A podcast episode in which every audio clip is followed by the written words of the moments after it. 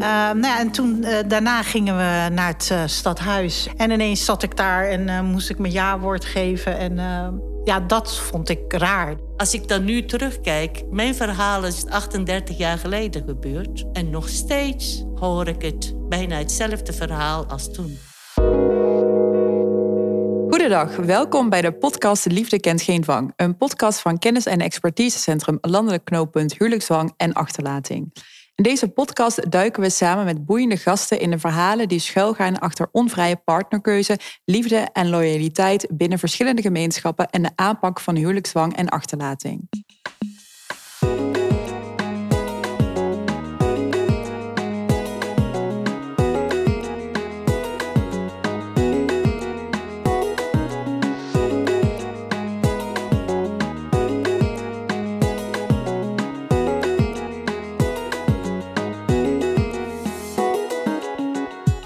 Welkom iedereen bij weer een nieuwe aflevering van Liefde kent geen dwang.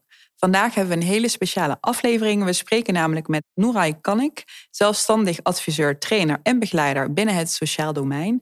En met theatermaker, gastdocent en schrijver Halime Yarba. Beide maakten zij op jonge leeftijd de gevolgen van huwelijksdwang mee. Een gebeurtenis waarbinnen zij ieder een andere weg bewandelden. Later maakten ze hun werk van de preventie rondom de thematiek en bieden ze professionals handvatten hoe hiermee om te gaan. Natuurlijk ook vandaag aanwezig onze vaste tafeldame Dini Vlierman, manager van het Landelijk Knooppunt. Mijn naam is Suhela Jaltsen. Zo, dames, welkom. Fijn dat jullie hier zijn. We zijn blij jullie te ontvangen. Ehm, als we denken aan de thematiek uh, rondom, uh, ja, die we bespreken in, in onze podcast, huwelijkszang en achterlating, hebben we het vaak over de theorie, de beleidsvoering, de preventie, de hulp. Maar vandaag gaan we het hebben over het persoonlijke, de daadwerkelijke ervaring van hetgeen uh, waarvoor we hier samen zitten. Huwelijkszwang en achterlating. Helaas thema's waar jullie beide mee te maken hebben gehad. Noerai, mag ik met jou beginnen? Jij hebt op jonge leeftijd ervoor gekozen om het huwelijk dat jou eigenlijk opgelegd werd te weigeren. Kun je ons meenemen naar dat moment in je leven en naar jouw ervaring? Ja, dat begon toen ik 14 eh, jaar was. En ik woonde in een dorp in Turkije. En uh, ik had uh, middelbare school afgemaakt in Turkije. Ortaokul heet dat in het Turks. En uh, uh, mijn vader was dan op vakantie die zomer. En uh, hij had eh, met mijn docent gesproken over mij. En de docent had adviseerd van... laat haar verder studeren. Maar er was verder geen andere optie om naar Ankara te gaan... of grote steden te gaan om te studeren. Mijn vader heeft dit toen hij bij ons was, een maand ter plekke besloten dat ik mee mocht naar Nederland. Dus jouw vader woonde al in Nederland? Op Mijn vader woonde al van, eigenlijk vanaf uh, jaren zestig al in Nederland. En ik woonde samen met mijn moeder. Mijn moeder was alleenstaande moeder. En ik was de oudste van het gezin eh, als kind. En ik had nog twee broertjes en een zusje. Wij woonden samen. Maar we waren natuurlijk niet alleen. Uh, mijn opa en oma, ooms, tantes, uh, die woonden naast ons. Dus we waren een hele grote gezin, zeg maar. Ja. Uh, familie. Grote familie, ja. Ja. En dus jouw vader die komt één zomer op vakantie... en die besluit eigenlijk van... nou, ik moet Nooraj, mijn oudste dochter, meenemen naar Nederland. Klopt, ja. En dat gebeurt ook dan? Dat gebeurde het, inderdaad. Ik vond, in het, ik vond het idee heel spannend. Mm -hmm. ik, ik vond het ene kant leuk. En de andere kant, uh, toen ik besefte dat ik alles achter moest laten. Uh, ik uh, moest letterlijk afscheid nemen van alles. Mijn vrienden, familie, omgeving. En ik kwam in een nieuwe omgeving. En ik woonde samen met mijn vader hier in Nederland. Toen was ik 14 jaar ongeveer. Wist jij op dat moment ook de reden waarom je naar Nederland kwam? Uh, ik denk dat uh, mijn vader op een gegeven moment zoiets had van... Uh, dan kan zij in Nederland verder studeren. Hmm. Maar dan heb ik het overzicht, controle over haar. En zodoende heeft hij mij alleen meegenomen. Tevens dacht ik, achteraf denk ik... dan is wel een grote trauma voor mij geweest. Afscheid nemen van je moeder, hè? Die voor mij een voorbeeldfunctie was. Ja. En je vader ken je dan in principe niet. Je komt dan bij je vader wonen. Maar je denkt, hoe is hij nou? wie is hij nou? Want had je hem lang niet gezien, je vader? Ja, een jaar niet. hij kwam iedere jaar op vakantie, zeg maar. Ja. Dus uh, je bent 14, je gaat in een nieuwe omgeving, je gaat naar school in Nederland. Je vader werkt, um, volgens mij. Um, dus jullie leven een beetje gescheiden van elkaar, denk ik, als dochter en vader. Dan maar Klopt, samen... ja. Mijn vader had ook nog een ploegendienst. Dus oh, ik zag hem ook uh, soms twee weken niet. Oh ja, ja. ja, maar het leven ging door. En uh, ik was soort... Uh, ja, ik ging wel naar school, inderdaad. naar ESK ben ik geweest om taal te leren. Uh, dat mocht wel. Maar verder, uh, op een gegeven moment, mijn vriendin vroeg wel eens zo van, zullen wij winkelen? Mhm. En in mijn geval was het, ik moest altijd toestemming aan mijn vader vragen.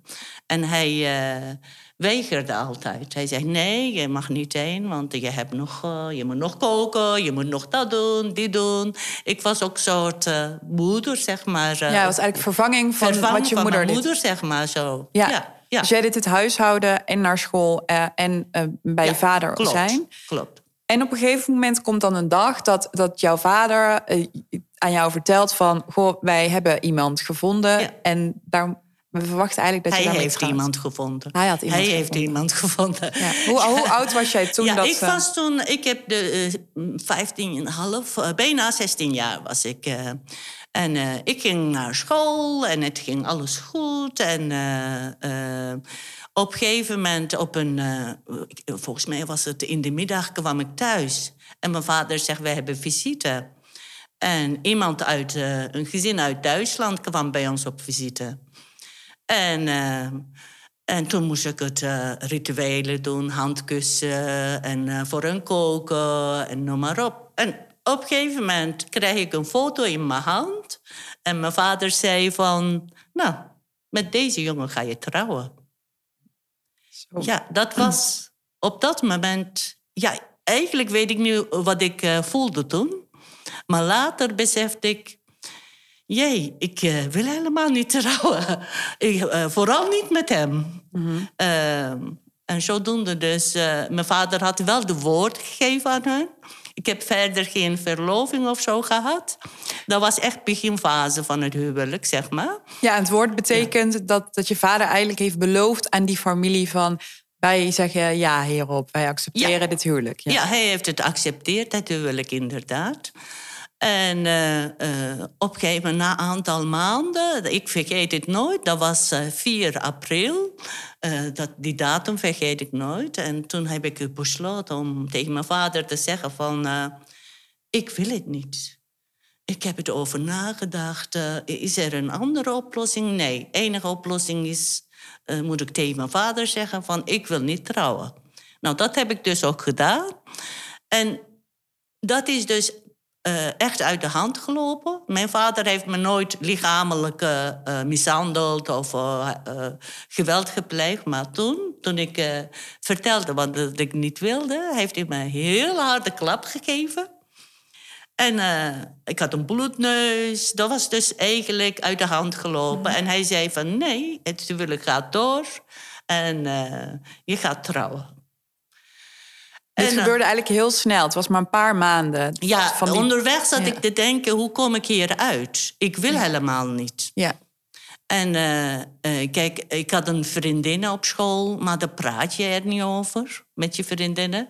Ik, ik, ik ging eigenlijk nooit mijn, uh, onze geheimen delen met andere vreemden vroeger. Waarom, waarom praatte jij er niet over met je vriendinnen? Wat, wat voelde je als je dat... Ja, ik, ik denk... Kijk, uh, binnen, binnen mijn gezin was er uh, geen gewoonte... om over dit soort zaken met uh, anderen te praten. Vooral familiezaken. En ik was ook bang om mijn vader te laten vallen. En ik, uh, ik wil wilde hem beschermen ook eigenlijk? Ja, ik wilde hem beschermen, denk ik, toch. Ondanks dat je iets niet wil en wil je ja. toch beschermen. Maar dat is normaal, hè? Dat is een normale gevoel van een kind naar een ouder toe. Ja, nu denk ik achteraf, uh, dat, uh, dat doe je gewoon. je, la je, je, laat je ouders niet, je vader of moeder niet vallen. Ook al, ook al doen ze ergere dingen met je. Ja. ja. Dus uh, ik had met niemand erover. En uh, eigenlijk achteraf denk ik, op school uh, had uh, docent mij kunnen herkennen. door de signalen dat ik niet gelukkig was. Mijn gedrag veranderde. Ik ging ook anders kleden. Van mijn vader moest ik omdat, ik omdat hij woord had gegeven aan een jongen, moest ik ineens ook anders gaan kleden. Uh, dan moest ik het lange jurkjes aan en uh, hoofddoek op. Op zich is dat niet erg als je zelf ook kiest, denk ik. Maar ik koos toen niet zelf. Want ik heb in Turkije ook nooit hoofddoek of zo gehad tot mijn veertiende. Ik was gewoon is wel een gesloten omgeving, maar uh, we waren wat, uh, ja, wat moderner op dat gebied. Ja, niet echt modern, maar dus, qua, qua kleding wel. Maar ik vind achteraf. niet qua tradities. Niet tradities, inderdaad. Er waren heel veel tradities daar. Maar zolang je binnen de, binnen de um, regels kan behouden, is niks aan de hand. Ik was hartstikke gelukkig in Turkije. Ja. Dus, uh, dus, dus, jij zegt ook, uh, eigenlijk had een docent misschien kunnen ingrijpen. Niemand deed dat. Um, ook hè, met je vriendinnen kon je er eigenlijk niet over praten.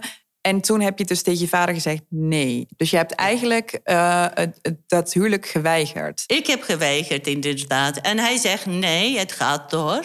Maar hij had trouwens, uh, uh, hij moest werken s'avonds. Hij had een ploegendienst, avonddienst. hij ging, ik weet het, vergeet ik nooit. mijn verhaal is 38 jaar geleden gebeurd. Kan je voorstellen. Alles kan je nog vers nog herinneren. Mm. Um, dat hij negen uur eh, weg was. Toen dacht ik, dit is mijn kans. Uh, ik ga nu weg. Dus ik heb wat, mijn paspoort gepakt. ik had het, wat, mijn zakgeld bij me. Ik denk, dan ga ik weg. Maar toen dacht ik, waar ga ik dan heen? Ik had eigenlijk, ik wist helemaal niet waar ik heen moest. Maar ineens ging het bij mij belletje. Ga maar naar politie. Mm Ga maar naar de politiebureau. Die helpen. Ja, je, ik wist wel dat het politie zou helpen. Nou, ik ben naar de politiebureau uh, gegaan. Met je koffertje en je spullen? Nog ineens koffertje en oh. tas. Uh, en dan uh, met de bus naar het politiebureau. En, en daar ben ik dus heel goed ontvangen. ze hebben mijn verhaal heel serieus genomen. En uh, die avond zat ik bij de crisisopvang, zeg maar. Uh, en uh, daar heb ik een paar dagen gezeten. Ja. Ja, heftig. Heel heftig. Helime, voor jou verliep het anders. Ja. Um, jij maakte ook ja, mee wat, wat meemaakt. Ja. Um, maar jij koos een andere... Je had, een andere, ja, je had eigenlijk geen keus daarin. maar je bewandelde een andere weg. Ja. Kan je ons daarin, uh, ja, of misschien wil je eerst even reageren op Noor, dat weet ik niet, want natuurlijk. Uh... Ja, ik, ik ken Noor wel, maar ik hoor wel haar verhaal voor het eerst. Dus oh, ja. Uh, ja. wel heftig. Hm. Ja. Ja. Ik zie dat dat ook wat losmaakt. Ja. vertrouwd. En um, ja, ik denk het, het verschil uh, wat ik hoor is dat uh, ik eigenlijk bij mijn geboorte al beloofd ben aan mijn neef. En dat, daardoor was het voor mij niet zo'n schok toen het. Hmm. Ik heb, ben zeg maar mijn hele leven daarop voorbereid. Uh, ik leg altijd uit van, uh, zoals mij geleerd werd, van dat is een stoel. En dan geloof je dat, hè, als je ouders zeggen dit is een stoel. En dan, dat is een, de man waarmee je later gaat trouwen. Dus in mijn opvoeding ben, is dat voor mij een soort van zelfsprekendheid geworden. Waardoor er niet een, een, een specifiek moment, moment is oh, geweest, waardoor van, oh, nu moet ik ineens trouwen. Um, en daardoor was het ook lastiger om er tegen in te gaan. Ja, zoals die, die datums die Noora dus heel goed gegrift in haar huis heeft. Dat herken jij dan dus niet, omdat het voor jou geleidelijk dus. Ja. Dat is ook heel interessant om dus te zien dat het op zoveel nou verschillende manieren gedwongen kan. werd het gewoon, uh, ja. Jij wist niet beter. Ja, ja. Ja. Kun je ons uh, iets schetsen over uh, ja, jouw verhaal binnen deze thematiek? Ja, nou ja, dus bij mijn geboorte al beloofd uh, aan mijn neef. Uh, in Turks heet dat Beşikten. Dus dat betekent echt letterlijk vanuit de wieg word je dan uh, beloofd aan. Nou ja, bij ons was dat dan in de familie de gewoonte dat het familie moest zijn. onze vaders zijn broers, dus echt volle neef.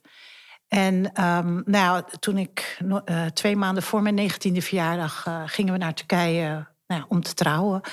En ja, ik wist eigenlijk helemaal niet uh, wat de bedoeling was. Alles overkwam heel de tijd, want dat was me dan nooit uitgelegd. Ik, ik heb een Nederlandse moeder en ja, zij was ook niet thuis in de tradities rondom hoe trouw je hè, bij ons in de familie. En uh, nou ja, dat vond ik soms wel heel moeilijk om. Uh, ja, mee te maken. Dat ik bijvoorbeeld er niet zelf bij aanwezig mocht zijn. Dat ik mijn vader moest machtigen om met mijn toekomstige man te trouwen. En die toekomstige man die woonde in Turkije? Ja, hij ja. woonde in Turkije. Maar die kende je ja, wel? Nou ja, ik zag hem eens in de drie à vier jaar op vakantie. Maar ja, dat, dat was geen band op dat moment. Ik weet wel dat we dan ruzie hadden. En uh, ik, op een gegeven moment had ik een, uh, een push uh, kitten. En uh, die had hij doodgeslagen. Dat is niet een goede basis dat je denkt, hé, hey, leuke man. Nee, dus nee, het was niet. nou niet dat ik dacht van... Uh, dit is mijn droomman. Maar ja, en ik wist je, wie wist je wel van dat, uh, nou, als ik 19 word, dan gaan we daar naartoe en dan ga ik trouwen? Of wist je ook nee, niet? Nee, er was niet. Er was echt uh, ja, random. Van, nou ja, ik was, ik was klaar met de middelbare school. En de vervolgopleiding, ik had, was net afgestudeerd als apothekersassistent. En na die vakantie zou ik gaan werken. Ik denk dat dat het signaal was van, nou ja, dan is het nu de tijd. Ja. En wist jij dat jij voor dat huwelijk naar Turkije ging? Of dacht jij, ja, ja, jij ik, wist dat je ja, ging trouwen ja, daar? Ja, ja, maar niet hoe, wanneer, welke dag. Het, het was echt zo ja, heel rommelig. En uh, daardoor kon je je ook niet goed... Ik kan me bijvoorbeeld herinneren dat op een gegeven moment zaten we samen in de auto... en hij helemaal aan de ene kant uh, van de bij de deur en ik aan de andere kant. Wisten allebei niet waar we naartoe gingen. En op een gegeven moment waren we ineens... Uh, eerst was er een kort bezoek aan het ziekenhuis. Er moest een verklaring komen. Ik weet tot op de dag van vandaag nog steeds niet wat dat was. Hmm. En, um, jij knikt een beetje. Ja, ja, weet jij misschien ja, wel wat dat ja, is? Volgens mij, voordat je gaat trouwen in Turkije... dan gaan ze bloedafname om te kijken of je, of de, of je niet... Uh, uh, bloedgewanten bent. Hoe noem je dat? Oh, ja. maar dat is wel bij in jullie geval... Ja, dus, ja, bij hen wel. Maar, maar ik kan me ook niet herinneren dat ja. er iets bij me gedaan is. Maar dat, wat, oh, okay. het is bij mij ook al 35 jaar ja. geleden. Ja. Dus. Maar dat klopt wel wat jij zegt, Noora. Daar wordt wel gekeken of misschien dat er afwijkingen zijn. Want het gaat natuurlijk ook over offspring produceren. Ja, ja, zeker. Dus ja. of dat wel of niet kan. Oh, misschien, misschien heeft zoiets, het vruchtbaarheid. Dat zou, zou ja. ik wel logisch vinden. Ja. Uh, nou ja, en toen, uh, daarna gingen we naar het uh, stadhuis. En uh, ik, ik weet echt dat ik een soort hele gekke jurk had. Want ik zat daar gewoon binnen thuis en ik wist niet dat ik weg zou gaan. Dus ja, dan doe je iets gemakkelijks aan dat niet te veel, maar wel genoeg bedekt.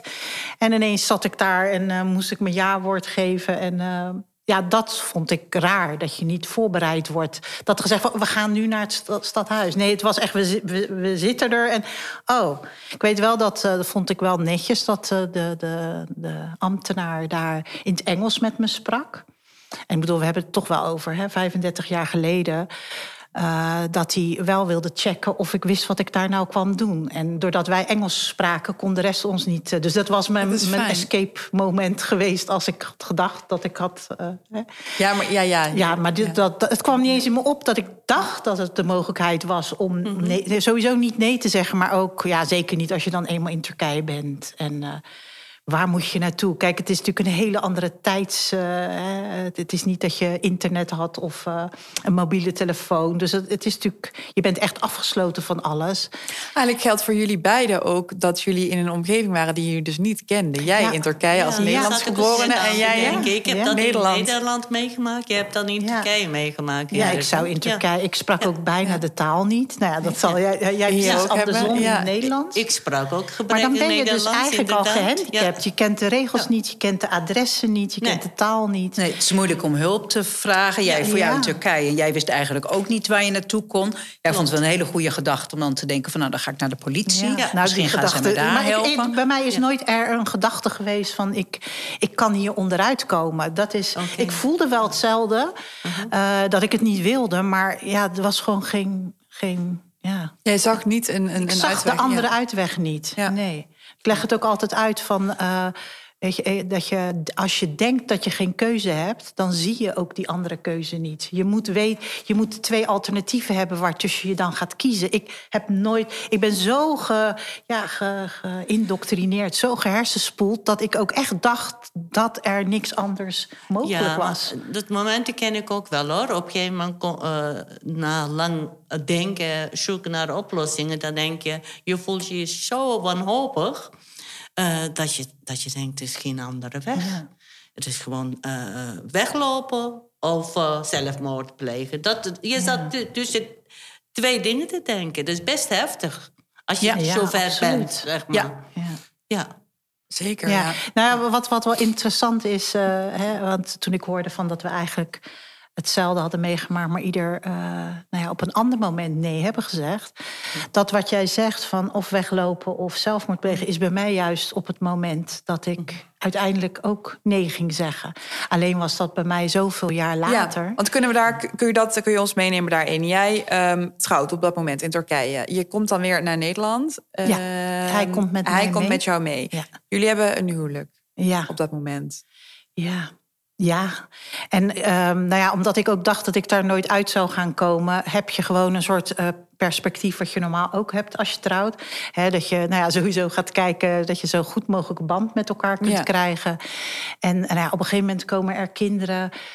Uh, maar er is nooit iets tussen ons geweest. Er, weet je. Uh, als je bij je geboorte wordt beloofd aan iemand, je, weet helemaal elkaars pers persoonlijkheid niet. Uh, nou ja, bij ons was hij bijvoorbeeld ook een kop kleiner dan ik. En ja, ik maak altijd een grapje over van als je verliefd bent, ben je blind en zie je dat niet. Maar ik zag het wel, want ik was niet blind van liefde. En nou wil ik niet zeggen dat dat nou het allerergste in mijn huwelijk was, maar het was niet fijn. En ik voelde me daar niet prettig bij. Hij ook niet. En, um, dus dat is ook in, hij had er ook last hij, van. Ja, dus. nou ja, hij heeft ook wel gezegd dat hij niet, ook niet voor mij gekozen zou ja. hebben als we, alle, hè, als we hadden mogen kiezen. En je zit dus met z'n tweeën in, in, in, in, een bootje waar je niet in wil zitten. Ja. En um, ja, ik had dus de eerste jaren nog heel erg uh, de, de, de, de wens om mijn best te doen. Maar ja, hij eigenlijk niet. En ja, in je eentje kun je een huwelijk niet laten slagen. En ja, het zag er gewoon zo uit dat we twee die langs elkaar heen. En ja, ik, ik deed voor het huishouden en de kinderen zorgen. Hij ging naar zijn werk en de, zat voor de tv. Ja. En hij had geen vrienden, geen... Nee, maar hij was er in Nederland natuurlijk ook niet gehecht nee, nog gegrond. Nee. Want hij kwam hier niet vandaan. Nee. Dus ja... Ja, dus dat, dat was ook, ook heel moeilijk. lastig. Ja. Ja, we, we spraken thuis altijd Hollands. Dus voor hem was het ook in het begin moeilijk om Mm. uh, nou ja, zich thuis te voelen in de taal. Moest hij natuurlijk ook eerst nog leren. Ja. Um, maar ja, het, het, het, werkte niet. Ik was heel erg ongelukkig in dat huwelijk. En er was gewoon niets wat ons bond. Uh, ik, eerst dacht ik nog, nou, de kinderen gaan een soort gemeenschappelijk iets worden waar we van gaan houden. En, uh, uh, maar ja, dat Het is waarschijnlijk zo, maar dat is niet genoeg. Om... Nee, nou ja, hij liet dat in ieder geval. Het bleek niet uit zijn acties of de interesse die hij toonde in de kinderen. Eigenlijk vond, ja, vond hij het lastig en ja. liepen ze in het beeld als hij tv keek. Ja, het is, ik vind het nooit fijn, want uh, uiteindelijk hebben we een hele goede band gekregen om uh, slecht over hem te praten. Maar in, op dat moment was het niet heel fijn. Ja. En het is altijd moeilijk uit te leggen van wat is dan het punt dat je ineens denkt van tot hier en niet verder. Maar ja, ik heb dat dus ervaren dat, je, dat, ik, dat ik zo ongelukkig was en zo een strop om mijn nek die elk jaar strakker ging zitten, dat ik echt geen adem meer kon halen. En toen was ook dat ik voor, voor het eerst verliefd werd. En toen um, ja, realiseerde ik me wat ik. Ik was, ben uiteindelijk 17 jaar getrouwd geweest. Wat ik 17 jaar gemist heb. En dat dat toen een, een hele, nou ja, hele verkeerde verliefdheid was, uh, staat daar even los van. Nee, zeker, dat maakt natuurlijk maar niet uit. Het gaat het om is wel gevoel, het gevoel je, ja. van wat je hebt. Dat, dat had ik voor. Ik voel, ja, er was natuurlijk wel een band, omdat je, je bent familie en je Ja. kent hem al je hele leven. Ja. Maar dat was niet verliefd zijn zoals ik toen verliefd werd. Was En- dat voor jou het moment waarop je dacht van... Nu moet ik Ja. echt kiezen om... Nou ja, toen was het ook dat alles bij elkaar genomen had ik dat precies hetzelfde gevoel als wat uh, Nooraj vertelt. Van of ik moet nu weggaan of ik maak er een eind aan. En omdat ik drie kinderen had, heb, had ik zoiets van ja, eind aan maken kan niet. Want dat, dat wilde ik mijn kinderen niet aandoen. Maar ik had wel zo, dit hou ik niet meer vol. Ja. Dus uh, ja, was eigenlijk toen de keus. En uh, ja, de kinderen heb ik zelf gekozen. En dat is eigenlijk de eerste keuze die ik echt heel bewust zelf Ja. maak. Nou, die keuze maken, het, is, het maakt niet uit welke keuze je maakt. Beide keer uh, laat je gewoon, uh, ja, dan laat je schade achter, zeg maar. Ja. Ja. Ik bedoel, dat ik weggelopen ben, weggegaan ben van huis. Aan de ene kant denk ik, oké, okay, dan heb ik mezelf terug, mijn eigen vrijheid terug. Maar dat, dat, dat heeft bij mij wel heel veel gekost. Ik kon me, uh, op een gegeven moment kon ik mijn vader niet meer zien. Ik kon mijn uh, familie niet meer bezoeken. Uh, dat werd allemaal verboden door mijn vader. Je, levert dus heel veel offers. je denkt, oké, ik heb mijn eigen weg gekozen. Maar tevens laat je heel veel achter. Ja, dus dat is. alleen maar verliezers in beide In beide verhalen. keuzes heb je, ja, verlies je wat. Ja. ja. Nou ja, en moet je dus eigenlijk alles opofferen om die vrijheid te kunnen ervaren. En dat, dat vond ik inderdaad ook heel lastig. Ik, uh, dat, bij mij hield dat ook in mijn kinderen. Ik, ik mocht van mijn vader ook mijn kinderen niet meer zien. Hm. En um, ja, het, het, het zelfs toen vond ik het nog steeds waard. Dus hoe, uh, dat geeft ook wel aan hoe hoog de drang naar vrijheid was. En, um, nou ja, het is uiteindelijk goed gekomen. Uh, maar ook daarin uh, is, is toen eigenlijk, bij, bij mij is het grappig dat, dat vanaf dat we gingen scheiden, werden we hele goede vrienden. En hadden we eindelijk een gemeenschappelijk doel. En dat was het welzijn van de kinderen. En hij zorgde er dan altijd voor dat ik uh, ze stiekem ergens kon zien. Wow, en dan dat bracht hij ze toch, uh... terwijl mijn vader hem dat verbood. Dan uh, spraken we af in Scheveningen en dan kwam hij ze brengen. En ja, dat, die dankbaarheid die ik daarvoor, dat, eh, die 17 jaar waren vergeten. En uh, voor nu nog steeds is hij mijn beste vriend. En gaan we als gezin heel ja, goed met elkaar om. Hm, fijn. Ja. Goed, heel fijn. Ja, ja zeker. Heel mooi. Dat, omdat die, die dwang wegvalt, kun je weer allebei jij hebt waarschijnlijk die spanning, hij. En dan, ja, maar als dat los is, ja. heel mooi en indrukwekkend. En over die kinderen gesproken, Halima, jij bent nu, um, uh, maak jij met jouw dochter uh, voorstellingen en ja. uh, geven jullie gastlessen. En we gaan voor onze rubriek even inzoomen op, luisteren naar een van die stukken.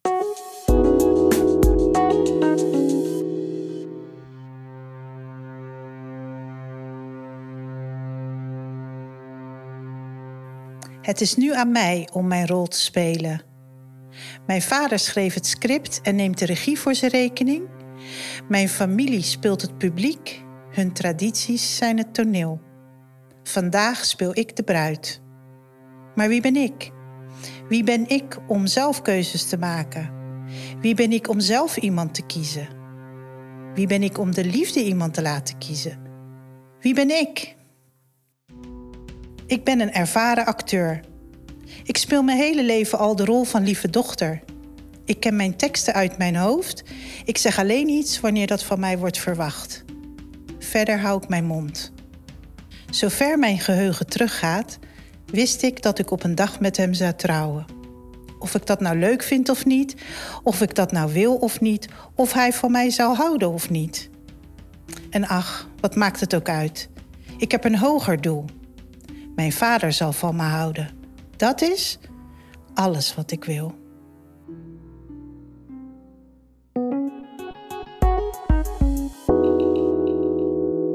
Zo, dat is uh, indrukwekkend. Uh, Alime, hoe is het om zoiets met jouw dochter te maken?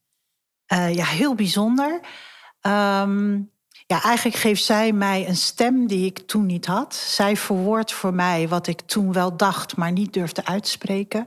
En het is voor mij en, en voor haar, voor onze band, heel bijzonder hoe zij uh, in de klas speelt zij mij en uh, ja, verwoordt zij de woorden die ik toen wel dacht, maar niet durfde uitspreken. Uh, doet vaak ook wel iets in de klas, doordat het heel um, ja, concreet wordt. Ze lijkt ook uh, fysiek uh, op mij. Dus het, het wordt heel echt. En um, het helpt heel erg om daardoor uh, met elkaar in gesprek te gaan. Het was wel in, in het maken van het stuk om voor het eerst mezelf te horen praten. Ik had zelf het verhaal al wel vaak verteld. Maar nu keek ik naar iemand die mij speelt en mijn gedachten verwoord. Ja, dat zijn, eh, er zijn heel veel. We hebben echt tijd gemaakt daarvoor om ook dat proces te verwerken. Want daar kwam wel heel veel los. Je, je, je verwerkt in zeg maar in fases.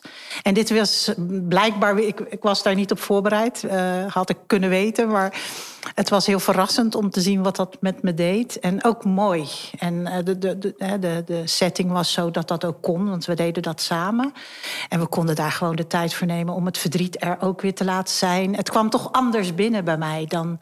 En daar had ik me wel op verkeken. Maar het was ook mooi om, uh, nou ja, dat ook weer te ervaren. Het lijkt me ook wel bijzonder voor haar om de stem van je moeder te laten klinken voor het eerst. Ja, en we, we bewaken ook wel altijd uh, of het niet te veel met haar doet. Want zij mag er natuurlijk niet onder lijden. Want het is ook hè, het pijn van de familie uh, raakt haar natuurlijk ook. Dus we hebben daar ook wel gesprekken over. Als, uh, en dat ze, weet je, ze moet het niet doen. Ze mag kiezen om ermee te stoppen of het wel of niet te doen. Hè, dat het wel heel vrijwillig voor haar voelt. En dat ze zich uh, niet. Ja, zelfs dwang kan het zijn dat je. Uh, nou ja, je moeder dat niet wil ontzeggen. Dus dat dat wel heel helder is dat ze daar helemaal vrij in is. Ja, mooi dat jullie daar op die manier ook over in gesprek zijn. Ja, dat, dat zij niet de verplichting voelt om de pijn van moeder te verwoorden op die manier. Want dat, dat moet het niet zijn. Het moet niet zijn dat zij er last van krijgt. Maar goed, het doet wel altijd iets met haar. En ook in de klas vragen, zijn leerlingen natuurlijk altijd heel erg benieuwd. Uh, hoe deze hele, uh, nou ja, uh, hoe dat effect op haar heeft. Dus zij moet ook iedere keer haar verhaal vertellen. En dat ik ervoor gekozen heb dat ik het belangrijk vind dat ik mijn vertaal, verhaal vertel wil natuurlijk niet zeggen dat zij zich ook gedwongen moet voelen. Dus ook daarin heeft ze altijd de keus dat ze mag zeggen: Ik wil de vraag niet beantwoorden. Heeft ze eigenlijk nog nooit gedaan, maar ze mag ook na het spelen bijvoorbeeld de klas verlaten als ze liever niet het nagesprek. Uh, maar ja, in principe is dat nog nooit uh, gebeurd. Maar mooi en belangrijk dat die keuze er wel is. Ja, ja, ja. Ik, ja. en we hebben het nu over het verwerken van, van die ervaringen. Um, Nora, dan gaan we ook even terug naar jou. Jij hebt voor ons geschetst van hoe heftig de situatie was op dat moment, wat er gebeurde. Um, je zei net al, um, ik verbleef eerst op het politiebureau een avond en toen een paar dagen in de crisisopvang. Wat gebeurde er eigenlijk in die periode in jouw leven, toen je dus echt weg was van je familie, je vader niet meer zag? Ja, nou, ik was weg en op een gegeven moment ben ik uh, uh, bij een medeopvang geplaatst in Utrecht. En uh, ja, je denkt, constant na heb ik het goed gedaan. Ik heb zo vaak twijfeld, zal ik teruggaan? toch maar trouwen. maar op een gegeven moment was de wens zo groot bij mij, dat wilde ik absoluut niet. En eh, toen heeft. Uh, ik was ook daarnaast natuurlijk. Ik had voorlopige verblijfsvergunning op mijn, op, mijn vader. En mijn vader had op een gegeven moment gezegd van... Ehm, ja, nou, ik hoef haar niet. Stuur haar maar terug naar Turkije. En daarvoor waren wij voor een gesprek geweest bij een politiebureau samen met mijn begeleidster, toenmalige begeleidster van opvang, en een politieagent en mijn vader. En zij wilde bemiddelen om te kijken van is er nog uh, iets uh, dat er nog rechtgezet kan worden. Mijn vader heeft toen uh, in, in dat gesprek gezegd van als je nu meekomt, dan doe ik het dat er niks aan de, uh, aan de hand is geweest. En jij mag gewoon ook trouwen en je komt dan terug naar Nederland. In eerste instantie wil hij mij achterlaten daar. Uh, maar hij zegt, nou, dan kom je terug met je man en dan, uh, dan ben je bij, bij mij in de buurt. En toen heb ik gezegd, ik wil dat niet. En toen had hij op dat moment, nou, als je niet wil, dan wil ik je nooit meer zien.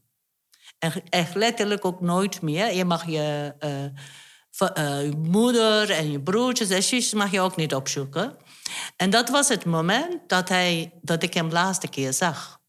Dat is ook echt gebeurd. maar hij is twee jaar geleden uh, overleden. En hij heeft vervolgens daarna nooit meer mij toegelaten. Als je over uh, je dochter hebt, ik had ook een dochter. En ik dacht, oh, zij gaat het zonder opa en oma uh, opgroeien. Ik ben, uh, toen mijn dochter vijf jaar was, heb ik bij mijn vader aangebeld. Eh, om te kijken, misschien heeft, ik dacht, misschien heeft hij mij vergeven. Of eh, misschien kan ik het komen, want ik heb ook een kleinkind bij, bij me. Maar ik vond het zo opvallend. Hij was nog steeds op het punt toen ik weggegaan was. Hij was niet verder gegaan? Hij was niet verder gegaan. Hij heeft gezegd, nee, dat doen we niet. En ik wil jou nooit meer zien. En uh, blijkbaar uh, wat ik gedaan heb, dat was zo zwaar voor hem om te dragen. Achteraf denk ik, waar, hoe, kan, hoe kan je zo gedragen tegenover je kind? Maar ik begon hem ook te begrijpen. Naarmate de jaren verder straks, ja, bedoel je? Ja, ja dus, maar hij accepteerde het niet. Ik heb dus nooit meer hem gesproken. Ik heb nooit mijn verhaal kunnen vertellen aan hem. Hij heeft het gewoon vastgehouden. Zo van, nee, jij bent mijn dochter niet meer. Dat is heel heftig. Wat ik ook heftig vind, is dat je op verschillende momenten... dat nee weer opnieuw, steeds opnieuw een moment is... waarop je eigenlijk weer voor diezelfde keuze staat. Ja. Van, ik kan meegaan, hè, met, ja, dan, dan heb ik contact met mijn familie, dan is dat goed. Of ik kan nee zeggen en dan heeft dat consequenties. Ja. En wat ik van jou hoor, en dat lijkt me heel zwaar, is dat dat gewoon niet maar één keer nee is, maar meerdere nee's op verschillende momenten. En het, ja, je hele verblijf in Nederland Ja. leek daar ook van af te hangen. Hè? Dat klopt, ja. Ik heb wel eens aan, eh, aan onze cultuur of tradities geloof gehangen... maar achteraf denk ik, dat had ook met, met de persoonlijkheid met mijn vader te maken. Ik bedoel, ik heb ook wel Turkse vriendinnen die in dezelfde situatie zitten... maar dan, die mochten dan weer wel naar huis komen, bijvoorbeeld. Ik denk dan, waarom, waarom niet? Waarom doet mijn vader dan niet? Maar toen dacht ik, mijn vader heeft zelf ook... eh, achteraf denk ik persoonlijkheidsstoornissen heeft gehad. Hij was echt narcistisch bezig soms. En eh, eh, eh, dat kan ik nu verklaren, maar toen niet. En ja, daar heeft het ook te maken. Wij kunnen niet alles onder een traditie verschuilen. Ehm, eh, dat, dat verzachtende kan, kan het komen als, het, als zij geen persoonlijkheidsstoornis hebben, zeg maar. Laat ik zo zeggen. Ja, als een Ja. coping gezond is. en Ja, als die- inderdaad. inderdaad. Ja, dat je dan misschien wel kiest hè, voor contact met het kleinkind. Ja. En, ehm, Klopt. Ja. Maar dat heeft dus, eh, mijn keuze heeft het ook voor mijn dochter eh, consequenties gehad, maar ook voor mijn eh, broertjes en zusjes. Ja, want hoe zat dat? Ja. Mocht je, jij mocht geen contact hebben met hun, maar is dat ook zo geweest? Of is dat nu beter? Of hoe? Ja, sinds ik weggelopen ben, daarna tien jaar geen contact meer gehad met, met hen. Eh, ja, in de tien jaar ben ik dan gevormd natuurlijk. Ik ging naar school, ik had hobby's. Ik was vrij en ik was alleen. En dat was eh, best eh, moeilijk hoor. Maar op een gegeven moment ont- ontmoet je iemand. Ik mis de Turkse cultuur heel erg. Ik zat in een Nederlandse omgeving al heel lang. Op een gegeven moment heb ik een man ontmoet, een Turkse man. Ineens konden we Turks praten. We konden Turkse muziek luisteren. En eh, we konden Turks eten. Dat vond ik zo prettig, want dat had ik gemist. ja. En eh, met die man ben ik ook nog eh, getrouwd geweest. Zelf gewild. en achteraf denk ik... ja, argumenten eh, eh, waarom ik met hem trouwde... of dat dan juist de argumenten zijn... dat kan je nu wel anders denken. Maar eh, hij, eh, ik was compleet met hem. eh, mijn gemist eh, kon hij eh, Vullen. Ja. vullen, inderdaad. Mo- Ja. Had je toen contact met je familie toen je trouwde? Heb je dat hun laten nee, weten? Nee, dat heb ik allemaal zelf gedaan. Ik heb samen gewoond, dat mocht niet in een... te- in een en ik, eh, eh, daarna zijn we getrouwd omdat ik zwanger raakte. En ik wilde wel mijn dochter in een gezin op laten groeien.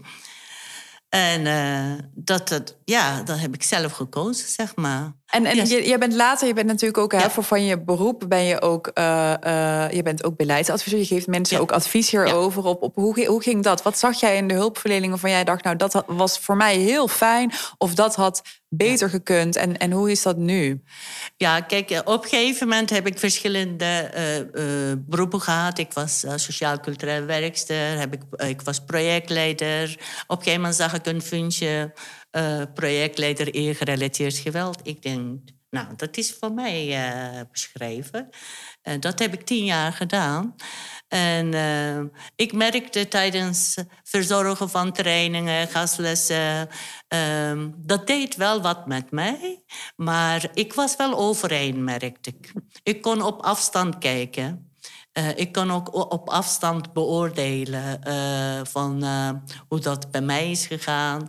En, en, en wat, wat voor meisjes kunnen betekenen, zeg maar. Of meisjes of jongens, maakt niet uit. Jongens ook trouwens. Ehm, eh, dat, dat is best, best hoe noem je dat? Ik, ik ben trots op me dat ik dat gedaan heb. Dat merk ik. Ehm, dat, op een gegeven moment wordt het jouw passie. Je denkt, ik, ik kan toch, eh, ik kan toch eh, eh, een paar mensen helpen voordat ze bij de hulpverlening terechtkomen. En eh, dat kan je doen inderdaad eh, bij gezinnen. Eh, daar ben ik ook wel eh, in, in de stad waar ik woon, eh, hebben, wij een netwerk eh, opgezet. En ik was gewoon eh, hartstikke actief bezig met de vrouwen. Zo van, echte verandering moet van binnenuit komen, dachten we. Dachten we. Dat is ook zo. Als je iets wil veranderen, eh, dan moet het gewoon mensen bewust worden eh, dat zij gewoon mee eens zijn dat het geweld eh, niet goed is. In dat. En praten helpt en dat soort acties hebben we gevoerd met z'n allen. Maar ja, als ik dan nu terugkijk, mijn verhaal is 38 jaar geleden gebeurd. En als ik nu kijk, en nog steeds hoor ik het bijna hetzelfde verhaal als toen. Ik denk, is het dan niks veranderd? Ik zie Halime knikken. Dus jij Ja. komt dat in jouw werk ook heel erg tegen. Nou ja, en vooral dat dat dan gezegd wordt. Hè? Dat het eh, ehm, iets is wat nou ja, 35, 40 jaar geleden nog gebeurde in onze generatie. En dat dat nu niet meer zo is. En ehm, ik zie dat ook wel eens in, in reacties op een filmpje wat. eh, eh, waaraan ik mee had gedaan. En dat dat niet klopt. Dat het nog steeds, eh, alleen blijft het een taboe onderwerp om bespreekbaar te maken. Hè? Je hoort niet over dat soort onderwerpen te praten met iemand nou ja, buiten je gezin. Hè, de vuile was mag je niet buiten Ja. hangen. Ja. En daardoor eh, is het niet zichtbaar. En ja, als we het dan toch op school. Het, ja, het, het, het is eigenlijk bijna elke les. Dan be- be- gaan we het over het onderwerp hebben. En dan zeggen oh nee, maar dat is niet meer hoor. Dat gebeurde vroeger. Bij u gebeurde dat misschien nog. En dan eh, nadat ze het, het stuk hebben gezien en dat er toch een soort ja, bruggetje komt eh, en, en ze gevoelsmatig inloggen. En dan komen de verhalen los en dan hoor je toch. eh, ja, En is dat dan herkenbaar met wat jullie me hebben meegemaakt? Of is het dan zo dat, dat het voor jonge mensen anders is? Nou, ik denk dat het eh, eh, eh, bijna hetzelfde is. Waar het om gaat is, als je in een gesloten familie, gesloten systeem zit, waar tradities, religie grote invloed heeft, dat, daar zitten dus heel veel jongeren nog eh, in. Ja. En die komen in de knel. Die komen in de knel van thuis en omgeving. Ik kwam ook in de knel. Eigenlijk had het bij mij ook anders kunnen lopen als ik met mijn vader kon praten. Als mijn vader een beetje had gevraagd: wil jij dit? Wil jij trouwen? Of Ja. als mijn vader geluisterd had, ik heb nee gezegd. Papa, ik wil niet trouwen. Hij heeft gezegd, nee, je gaat het doen. Papa heeft het woord gegeven. Dat communicatie tussen eh, ouders en de kinderen. Kijk, het is ook. eh, ik zeg niet dat mijn vader zijn schuld is. Het is ook mijn schuld. Want ik durfde ook niet bespreekbaar maken. Ik, ik wist gewoon dat het niet kon. Ja. Ja, heel herkenbaar. Ja, want als je weet gewoon dat uh, als je nee zegt tegen papa, de papa werd gewoon zegt nee, uh, hoezo nee? Uh, ik ben de papa, ik beslis dit, dat alles. Jouw toekomstbeeld wordt door hem ingevuld, zeg maar. Um, even zeg je eigenlijk dat, we, dat je, jullie vaders, jullie er allemaal ook wel slachtoffer zijn van hetzelfde systeem, dat ook in stand wordt gehouden? Want je zegt Um, ik kon geen nee zeggen. Je hebt het uiteindelijk wel geprobeerd en je kreeg precies die reactie die je al verwachtte. Dus, mm dus dat iedereen eigenlijk in dat systeem zit. Uh, en daar veel meer slachtoffers zijn ja. ook. Hoe groot is je wereld Precies. inderdaad? Ja. dat is, ja, bij mijn wereld was toen heel klein. Ik denk dat het jongeren die in een kleine wereld zitten... En mijn enige uitweg was het school. Ik kon naar school en thuis komen. Ik had vriendinnen, maar die hadden ook geen ingang bij ons. En dus, eigenlijk zeggen jullie ook dat hè, nu voor de jongeren... Ik ben bijvoorbeeld een generatie jonger dan jullie. Ik denk eh, de generatie van jouw dochter ook, mm, Halime. Ja. Um, jullie, zeggen jullie dus ook eigenlijk dat het misschien um, te positieve gedachte is om te denken dat dat nou helemaal weg is. Dat dat helemaal niet meer voorkomt. Mhm. Ehm, hebben jullie voorbeelden van kleine dingetjes die jullie bijvoorbeeld in een klas zien of bij jullie eigen kinderen zien, waarvan je denkt dat is, heeft ook te maken met dezelfde thematiek, met dwang? Uh, nou ja, niet bij mijn dochter. En Um, nou ja, het is interessant wat Noorij zegt. Want uh, het enige verschil tussen mij, en, ik en mijn dochter, is dat zij wel het gesprek met haar vader aanging. En dat daardoor zij een hele andere manier van omgang met haar vader heeft op deze thema's. En daar wel, eh, ze heeft het wel afgedwongen, want hij vond het wel heel moeilijk. Maar dat vertelt ze ook in de klas. Ze ja, maar juist door dan maar gewoon even er doorheen te gaan. En ja, dan was het onprettig. Mhm. Maar doordat de communicatie was. En ja, ik herken dat heel erg wat Noorij zegt. Dat ja, je sprak met je vader niet over dat soort dingen. Dat was gewoon echt, kon echt niet. Mhm. En ja, zij heeft dat afgedwongen. En ik, ik denk dat er leerlingen zijn die dat al wel kunnen. Maar ik denk dat je iets nodig hebt. Ik denk dat je iets nodig hebt om dat te durven en te kunnen, vooral. En um, ja, ik weet niet wat zij dan wel heeft, wat ik niet heb. Wat kan dat um, iets zijn? Kun je daar... Nou ja, bepaalde handvatten om voor jezelf op te kunnen komen. En een bepaald geloof in jezelf. En jezelf uh, bewust zijn over jezelf. En dat je zelfvertrouwen hebt dat jij dat aan kan. Wat ik zelf daar aansluitend zelf ervaren heb. Ik was uh, toen ik nog 14 was vrij volgzaam. En uh, je denkt dan, je bent een onderdeel van familie. En dan alles wat papa en mama of ouders zeggen, dat, dat doe je gewoon. Inderdaad, hoe, ik, wanneer is het bij mij dus uh, uh, de kracht ontstaan? Ik denk dat het komt dat ik alleen, met alleenstaande moeder uh, opgevoed ben. En dat ik was het soort assistent van mijn moeder, zeg maar. En ik, dat heeft bij mij wel gezorgd dat ik wel kon zeggen nee. Ik had de kracht. Ja. ja, dat is wel mooi uh, wat je zegt, Noerai. Dat je eigenlijk uh, dus een voorbeeld nodig had om te zien van hoe het ook anders kon. En dat dat eigenlijk uh, heel erg belangrijk is in het ja, voor jezelf gaan kiezen.